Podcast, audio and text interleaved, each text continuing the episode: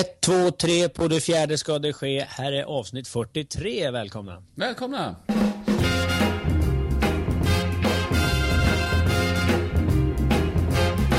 You know I don't mind working and standing on my feet. Cause I've got nine children and they sure got to eat. And I don't mind working my fingers to the bone. But now listen, you got to let me go when my work is done. I wanna be free. Rickard, jag har en grej jag skulle vilja prata med dig om idag som eh, kan bli ett, ett huvudtema för avsnitt 43. Välkomna alla lyssnare som sagt. Vi är tillbaka, Olof och Rickards podcast. Mångas Sveriges mest- favorit. Sveriges mest operiodiska podcast. podcast. Ja, men Eh, de som lyssnar och har hängt i, de har faktiskt gillat det vi har pratat om. Mm. Det var någon som skrev att det var, vad var de kallade den för? Det var någon Poänglösa historier och vi slår in öppna dörrar. Just det, en, den sortens podcast. Men någon ska Mm. ju vara den sortens podcast också. Jag tycker vi har mer innehåll än så faktiskt. Du, jag har en grej till dig här. Jag tänkte fråga dig. Eh, har du varit med om ibland att man är med om osannolikheter? Alltså, där, där, där det, man känner så här, åh, ungefär som när min mamma, varje gång jag ringer mamma så säger hon, "Åh, tänk att jag tänkte precis på dig. Som hon, Ja, och hon tror då att det ligger liksom någon form av tankeöverföring eller att Mm. oj, vad, oj, det var osannolikt va. Så åkte jag taxi här nyligen och då berättade chauffören att han hade eh, fyra barn. Alla Mm. var födda den 26 i månaden. Ja, det är osannolikt. Ja, det, det är ju väldigt osannolikt. Alltså inte den 26, i- mm, inte samma månad, men ändå den 26. Alltså börjar man Mm. räkna på det, hur osannolikt det är, så är det ju väldigt osannolikt. Men om man tänker att av antal barn som föds i hela världen Mm. så borde ju sannolikheten ha kommit då, eller att någon gång kommer fyra barn att födas i samma familj den 26. Då är det ju sannolikt. Men det är os- osannolikt för honom. Ja. Men om du tänker det för mänskligheten sett från tidernas begynnelse så är det väl högst sannolikt. Ja, no, det, ja precis. Jag, jag är lite på det hållet också. att Jag, jag mer rationell i, i tankegången där. Men så läste jag den här artikeln nu och det är så himla... Jag skrattar faktiskt. Han har, en kille här som har träffats av blixten sju gånger.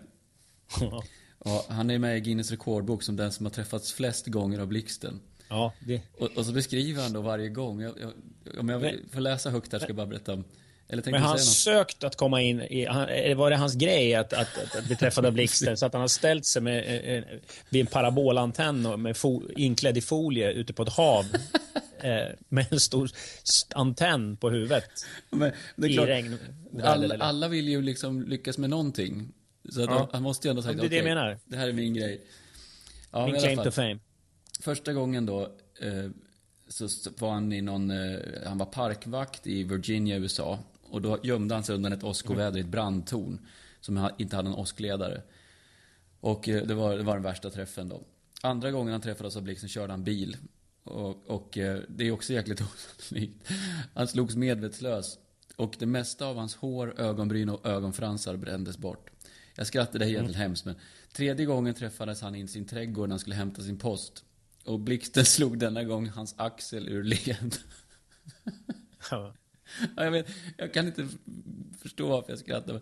Fjärde gången började hans hår brinna. Det var ju på nationalpark. Nu började Rod tro att någon kraft var ute efter honom. Femte gången var han på patrull i parken. Gud har satt ett pris på mitt huvud. Ja, men det är klart, jag förstår ju om han undrar alltså.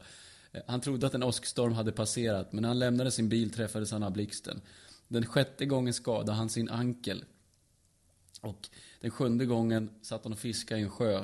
Då träffades han i huvudet och skickades till sjukhus med bröst och magsmärtor, men överlevde även denna gång.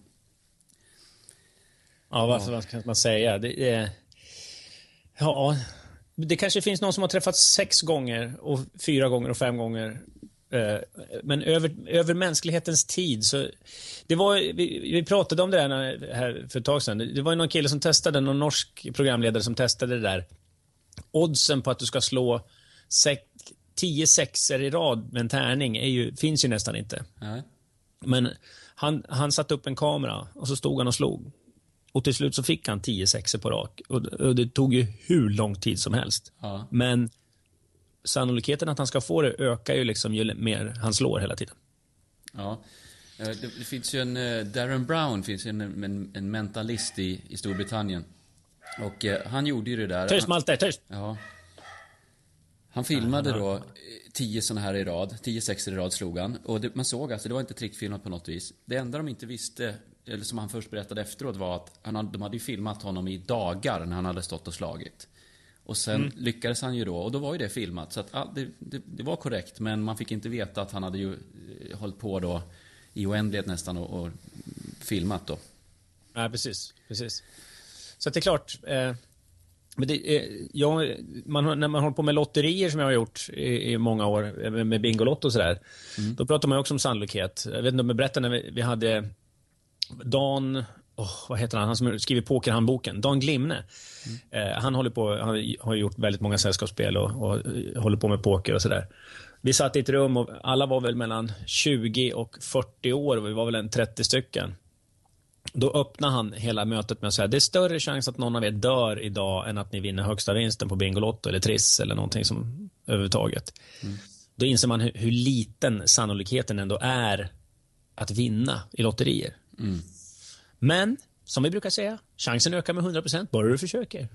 Ja, men inte bara det också. Det finns ju vissa som dessutom har vunnit mer än en gång. Det är då man kan bli så här, hur är det möjligt? Det där var ju, när jag jobbade på Bingolotto, då var de livrädda livrädd för det, själva lotteriet. När det kom folk som hade vunnit eh, superchansen kanske ja, tredje gången och få stå och snurra på ett miljonhjul och vinna. Ja, vi vann ju två miljoner förra gången och en miljon eh, första gången, så får vi se här vad mycket vi vinner idag. Och så finns det folk som har spelat i 20 år och inte vunnit något. Då, kan ju bli så, då, då var man då rädd från lotteriets sida att de skulle bli så provocerade så de skulle lägga av. Och nu, nu skiter vi i det här jävla skitspelet. Liksom. Så att, men men världen är inte gången. rättvis heller. Världen är ju liksom inte rättvis på det sättet. Så Sannolikheten är ju inte rättvis. Och, och tjocka människor kommer alltid att använda mer tvål och, än andra. Och, så det, ja, det är bara att hacka i sig det.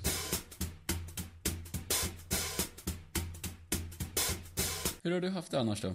Eh, Ja, väldigt innehållslöst faktiskt. Nej, men du har haft möte idag.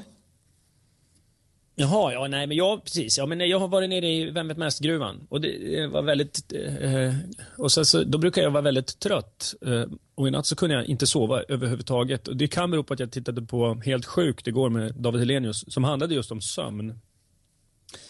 Eh, och sen efter det så tittade jag på ett eh, program på någon liten suspekt kanal om gängkrigen i, eh, i USA.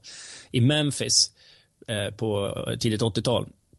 Eh, och eller ja, hur, hur de sköt varandra till döds allihopa. Och då, då drö- drömde jag väldigt oroligt. Du vet när man drömmer fast man känner att man är vaken. Det är en extremt ytlig sömn.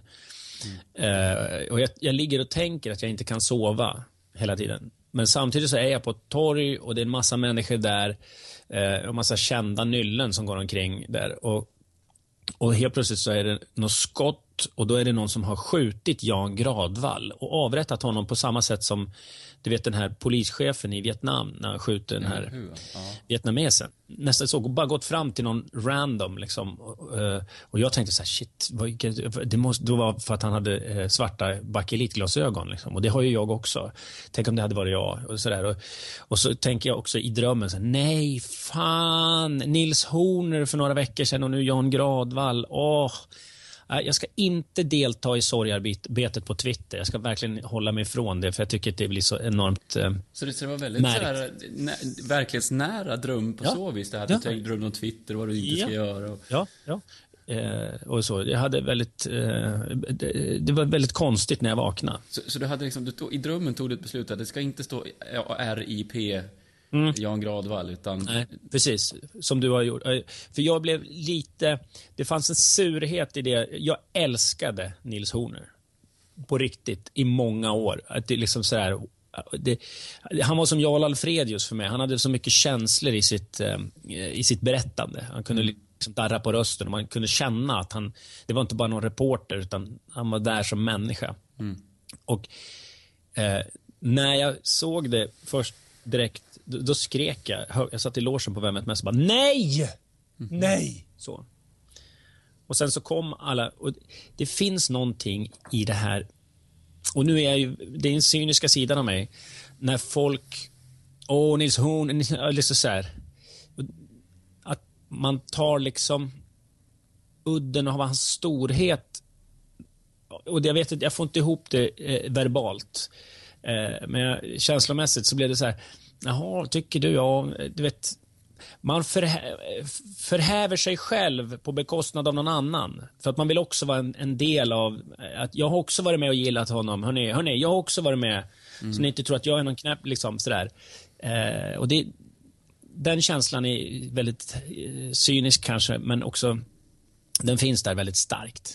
Så då fattade jag ett beslut redan i drömmen att inte vara med i Jan Gradvalls eh, utan känna, känna själv helt enkelt och gå med den sorgen. Nu slipper jag göra det eftersom det inte har hänt, vilket jag är jävligt glad för. Men jag kan tänka mig då att om man själv har, har haft någon form av, som man tycker då, en speciell, speciellt förhållande till någon eller en relation till någon. Jag beskrev ju det i ett tidigare avsnitt när jag hade, var och lyssnade på Peter Lemark och såg hur andra blundade och sjöng med ja. till en låt som jag tyckte var min låt. Mm. Eh, man, man, man, det är på något vis, om du verkligen beundrar någon så tycker man att ungefär som ett fotbollsfan har ju väldigt svårt för de här som kommer bara när laget går bra. Ja, men kanske lite så, men det är något speciellt när det är sorg med bilden, när någon har dött. Jag har, eh, eh, Ola Lindholm, mm. han har enormt svårt för en speciell person, en annan. Eh, och jag, du vet att jag brukar vara väldigt frispråkig, men i det här fallet tänker jag faktiskt inte nämna vem det är. Nej. Eh, och då, Olas närmaste vän hade dött och på begravningen så går alla runt. Men den här personen slänger sig på kistan och börjar liksom mm. förtvivlat skrika. Han tog Olas begravning ifrån honom. Mm. Alltså, Ola ville vara där och hedra sin kompis, men den här personen gjorde det till sin manifestation. Mm. Det är lite den känslan som man lätt... Man ska vara försiktig, tycker jag, när man när man går in i såna där eh, sorgehyllningar. Liksom. Jag, jag kan vet, hålla med känna, dig. Bara känna efter först. Varför gör jag det här? Gå in och möt det. Liksom varför? Är det, också, är det för att vara en i mängden av... För att eh, coola människor har hyllat och då vill man vara med i den här coola gänget som också tycker samma sak. Eller är det för att man gör det som människa? Mm. Och Det där tror jag många blandar ihop. Samtidigt så, jag kan tänka mig, jag håller helt med dig va. Men just när man tänker som på en begravning, någon slänger sig över, över kistan och sådär. Är man cynisk så säger man att det där var ett spel för gallerian och så vidare. Men låt säga att, att, att det där spel bara... för gallerian? På... jo, men att man då... Ska gallerierna menar du? Sa jag gallerian? Ja, det var kul ja. Sergels torg bara. Ja. Spel för gallerian va? Ja, men sorry då. Gallerians gång är mitt andra. Go, go, go, vi blir fler och fler. Ja. Bongo, bongo, bongo och så fransiga jeans. Gäller inte här, men i New Orleans. Kommer du ihåg den? Fortsätt. Skateboardbacken, ner, ner, ner för backen ner. Ja. ja men, eh, Spel för gallerian. Ja, ja, precis. Ja, men låt säga att man gör det som, noga med sånt här. som en manifestation, man slänger sig över kistan och så här. Men låt säga att, att, det är att i stundens hetta och inlevelse så vet man inte hur man kommer att reagera. Ehm, en kompis till mig berättade, nu en barndomskompis till mig, han blev ju rånad på banken. Han var bankchef uppe i en liten bank i Norrland. Och eh, vid en morgon så kommer det två maskerade män och eh, binder fast honom med en sån här plastsnöre, du vet, och på en stol. Ja, det var, det var dramatiskt. Och han beskriver själv att hur mycket man än övar på vissa eh, katastrofscenarier eller, eller någon form av skarpt läge, mm. så vet man inte riktigt vad som kommer att hända. Eh, och då berättade han att flera kollegor till honom då, som också har gått igenom samma träning och utbildning eh, total, bara, en del bara la sig ner på golvet och låg och skakade och liksom sög på tummen ungefär. Va? Eh, mm. Att, reaktioner som man inte hade en aning om. Och, och det, det, påminner mig om, om en, ett, ett, citat. Jag vet inte om du läste den DN-krönikan om den här... Jag tycker ändå det finns gradskillnad, måste jag säga, med att gå på en begravning och att bli rånad och fastbunden och en plastpåse på huvudet och en pistol mot tinningen. Oh ja, men... Jag, I hur, hur liksom Jo, men det finns ändå vissa, vissa paralleller just det här när man, när man hamnar i en känsla som man kanske då, man tror inte att man ska gråta till exempel. Eller man tycker man är ganska distanserad till någonting. Eller man, man hanterar det intellektuellt ja. eller så. Eller Estonia-katastrofen, där fanns, ju, där fanns ju alla facetter på, på reaktioner. Precis. Och då fanns det en man som hette Paul Valéry som sa att Om oss själva vet vi bara det omständigheterna låter oss veta. Och det är ganska bra. Att man vet oftast inte exakt hur man kommer att reagera förrän man hamnar i den situationen. Jag säger inte det som ett försvar till den här Olas eh, nemesis, men ändå.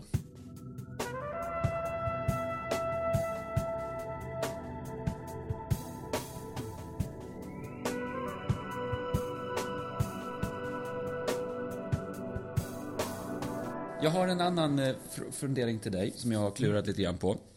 Igår var jag som sagt i, i Halmstad och då funderade jag på om, du tänker en, en, en motivationskurva i relation till hur möjligt det är att uppnå.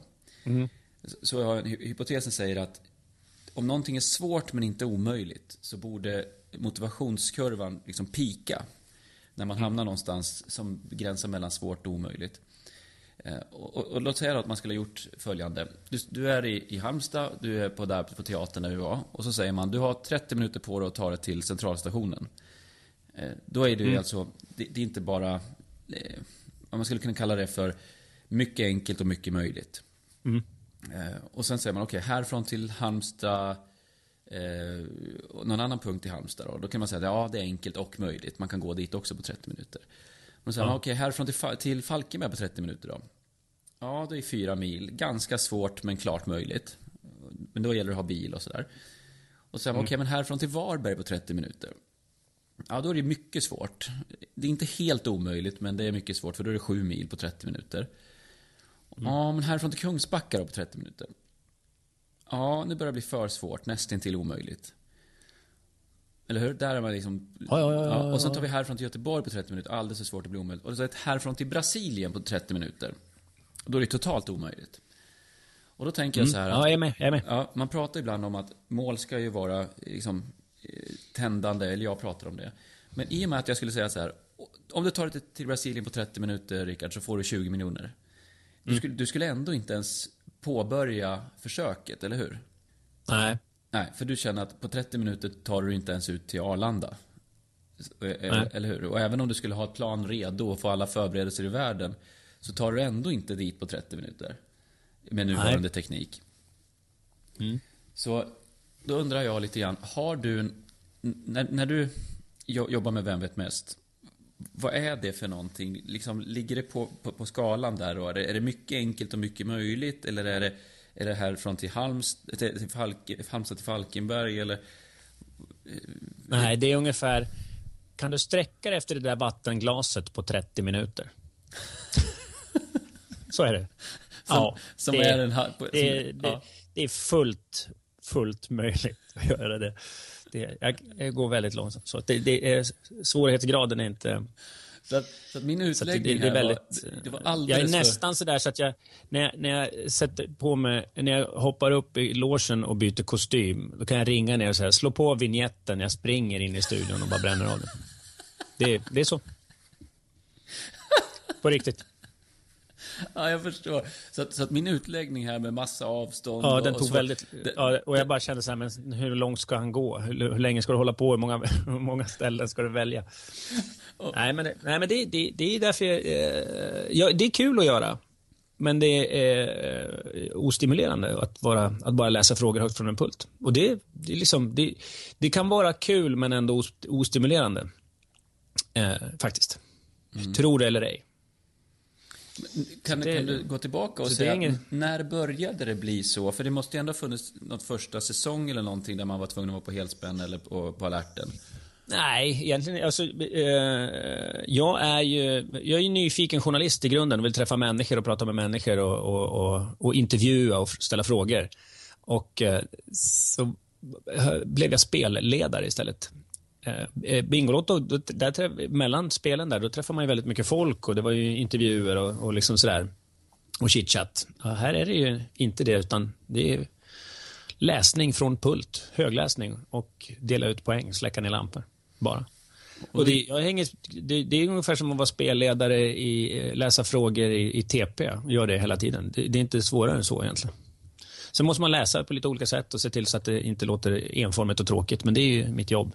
Ja, jag, jag tror inte du ska eh, underskatta dig själv. Utan du, du gör ju det här så bra och när man är duktig på det så upplevs det enkelt, det känns enkelt, man, man tror att man är utbytbar. Men det, det tror jag definitivt inte. Men däremot så eh, lärdomen jag skulle kunna göra då, om jag fick vara en, mm. liksom göra en filosofisk mm. analys, är att mm. man ska egentligen inte ta uppdrag som bara har ekonomiskt syfte. För på sikt ja, det, så bryter det ner en. Ja, men eh, det, nu lever ju, det där är ju sådana eh, bland privilegierade det är ju som när Mark Levengood eh, åker runt och föreläser för sjuksköterskor om att eh, förlös dig själv och lyssna till ditt hjärta och, och, och så här, skriver du för skrivbordslådan, se till att publicera det och så här. Det är inte så lätt om du har ett vanligt kneg att eh, bara ta jobb, eh, att inte ta jobb för sin ekonomisk, för ekonomins skull. Ja, men jag, jag är med på det. Jag, jag tycker... vi, vi, tillhör ju en promille av eh, den svenska arbetsföra befolkningen. Mm. Men som jag, kan jag tror faktiskt inte så. riktigt att Mark, jag har varit ute med Mark ganska mycket och jag har inte hört allt, något av det där faktiskt. Jag, jag tycker han håller faktiskt rätt, på rätt nivå. Ja, jag men, har inte heller hört, men jag, just det där när man har... Om du sitter med ensamstående med två barn, då är det svårt att liksom bara, ja, men jag, nu, nu lägger jag av med att vara sjuksköterska, nu ska jag måla tavlor istället, dreja. För det är det jag vill göra. Mm. Ja, men hur ska jo, du få men, hjulen att snurra? Visst, det finns ju någonting som säger att vissa saker får man göra när, för att man behöver göra det. Men, men vad som också sker, tycker jag, oavsett om man säger att jag prioriterar det före det andra, så är priset att betala kan ju ibland bra vara att motivationskurvan går ner, utvecklingskurvan går ner och man går på halvfart. Man släpper inte loss ordentligt, man går och väntar på något annat. Ja, men då är det väl bättre i så fall att eh, att inte bara, att simma i en ny får eller öppna upp en ny dammlucka som går parallellt eller liksom hitta det är så jag gör. Jag, mina utmaningar är ju på andra ställen. På eh, läkemedelsdagar eller på, eh, man får träffa flygindustrin. Och, alltså det, det, är utanför tv, det är där mina utmaningar ligger och det är där jag lär mig saker och ting. Så. Om, om du, skulle, om du skulle lära det, mig... Det, men, ja, vänta, mm, låt säga att jag skulle hoppa in ett avsnitt. Jag hoppar in och mm. jag, jag, får en snabb lektion i, i hur det är, vad, vad är jag ska tänka på och sådär. Vad skulle du säga till mig då? Att du skulle vara med och tävla? Eller? Nej, jag skulle vara, jag, du är sjuk och jag hoppar in som programledare i ett avsnitt. Men jag ringer dig innan och säger, vad har, vad ska, hur ska jag göra, vad ska jag tänka på? Ja, du ska hålla tanken klar som vatten. Du ska prata fort och eh, orden ska komma i rätt följd. Och eh, du ska variera dig i... Om vi säger att du ska göra... Och jag är sjuk hela veckan, då ska du göra 15 program. Och du ska variera dig hela tiden i Ja, men det här är inget, inget kul att berätta. är du redan less? Du har ju tre meningar. Ja, men du har, du har inget allmän intresse. Det är, liksom, det är sådär... det, har, det blir såhär, ja, mm, tycker du ja. ja men det, jag vet inte vad jag ska säga faktiskt. det, det, ja, men du vet. Ja. Olof, vad skulle du ge mig för råd om jag skulle föreläsa? Jo, men det är väl intressant. Det tycker jag. Det kan man väl ha absolut nytta av. Det är alla människor står inför gruppen. Men jag tänker så här, när man, vad jag försökte komma fram till är att, att det, det som du tycker är att det här är ju, det är ju lågstadiekurs att säga de här tipsen. Men eh, jag är inte helt säker på det. Jag försökte boosta dig lite här, men det är ju det är totalt men, omöjligt. Ja, men, det är liksom lite grann, vad ska man med de tipsen till? Om man, om man inte är i den världen. Vad ska Nej. man göra med informationen? Jo, men det, det, det, det finns ju något, ja. Det är en väldigt speciell situation att vara eh, tv-programledare. Du har eh, kamera i ansiktet, det ska, eh, det, liksom, och den, den, är svår att applicera på eh, om, om, när jag var hemsamarit eller lärarvikarie. Du, du vill inte släppa ordet hemsamarit? Nej, Nej jag, jag, jag, älskar det ordet. Eh, jag föredrar det framför eh, sjukvårdsbiträde i öppen tjänst. Ja. Som det heter nu. Det är så tråkigt och, och det är liksom ingenting. Men hemsamarit är så vackert, härligt. Man ja. går hem till folk och man är en samarit. Fint. Ja.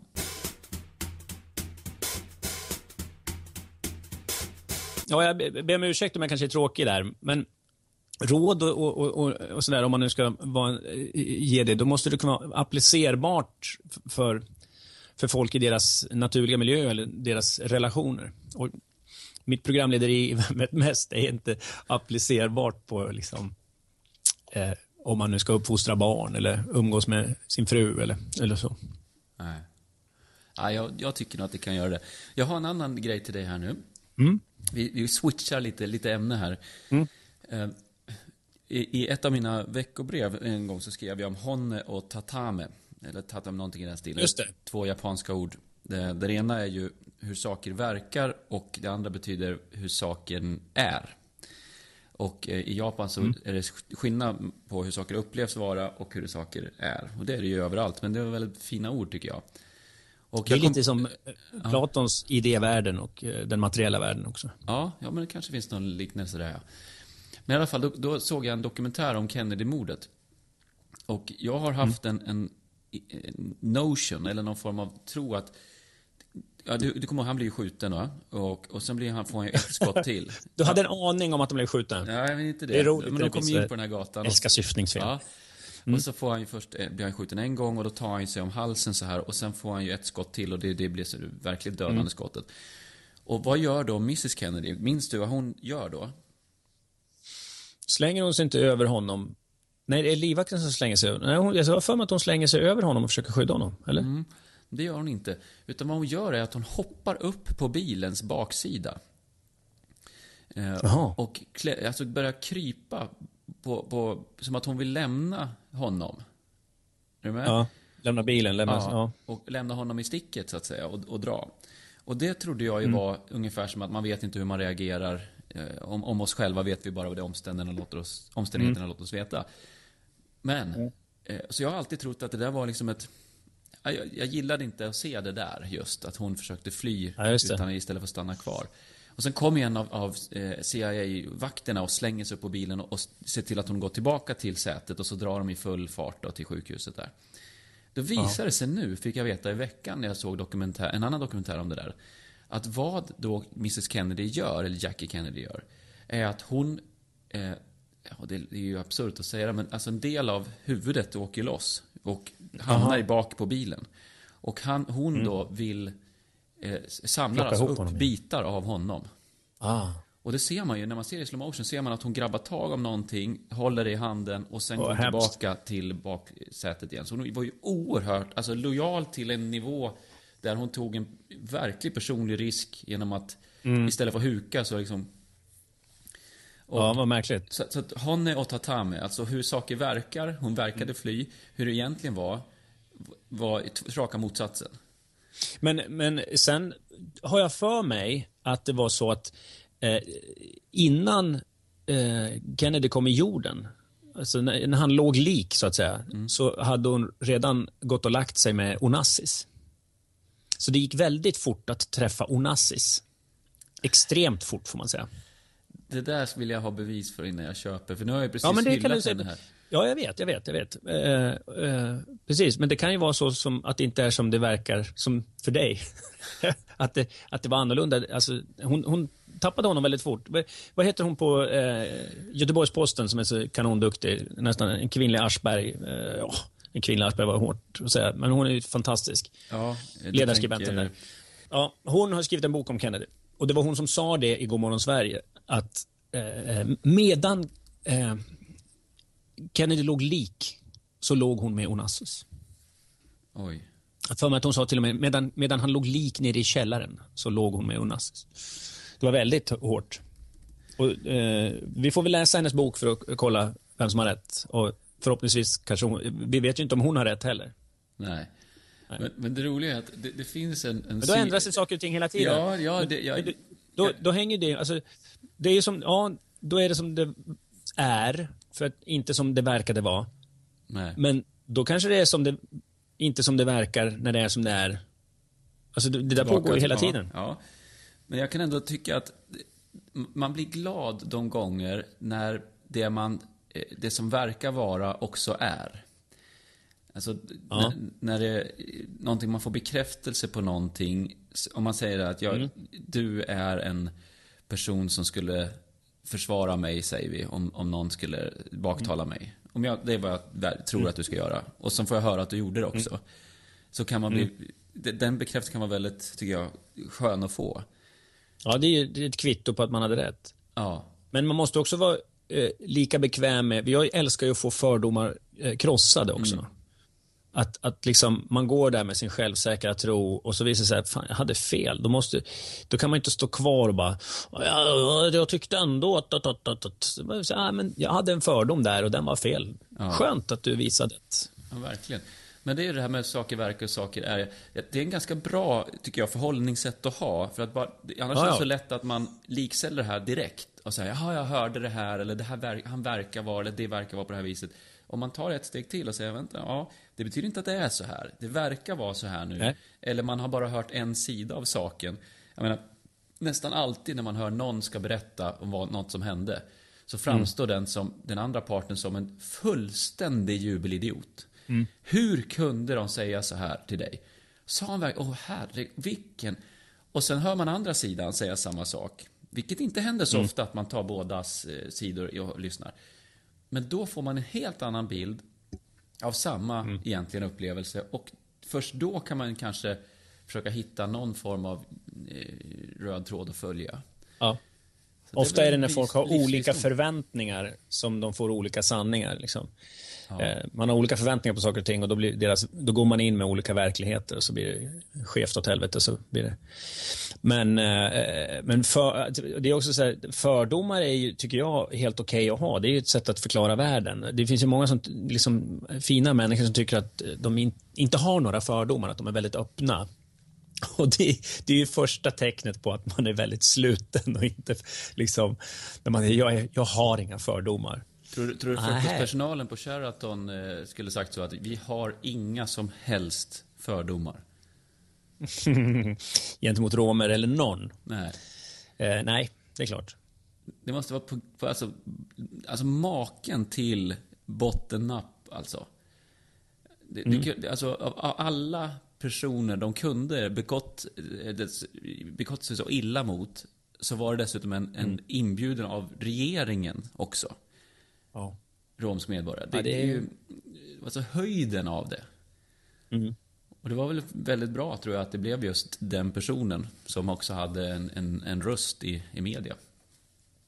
Ja, det, det, det är klart. Och det, man, någonstans borde det också signalera sådär vad... Eh, ja, jag vet inte. Det, eh, vad, när det, alla människor som överhuvudtaget går in på Sheraton har ju oftast en anledning där. Om man, har- och är man rom och ska göra något fuffens, då är man ju direkt jävla dum i huvudet om man går in på Sheraton av alla ställen. Faktiskt. Och det är ju, eh, är ju liksom, det är ju en fördom mot Sheraton. Ja. Men du, jag tänkte... Fördomar är som gamla kläder som vi brukar säga. Det är, det är som en gammal kofta som man sätter på sig. Ja. Men det, är- det är därför det är så bra hela tiden. Och det tror jag... Man ska inte, tror jag, underskatta vår podcast på det avseendet att säga att det bara är skitsnack. Utan när det är någonting vi har tryckt på så är det väl just det här att vi ifrågasatte våra egna fördomar. Vi har försökt att, slå hål på myter och... Menar, någonting vettigt kommer ur oss i alla fall, tycker jag. Tycker vi ja. Ja. Du, nu ska du ta taxin. Nu ska jag ta taxi. Jag ska ut till Kista. 700 personer väntar. Oj, oj, oj. Kör så det ryker då. Ja, Så klipper jag lite, beskär lite träd här och går och påtar lite grann. gött. Mm. Ja, men du. Eh, vi hörs då. Ja, det gör vi. Hej, hej! Hej då!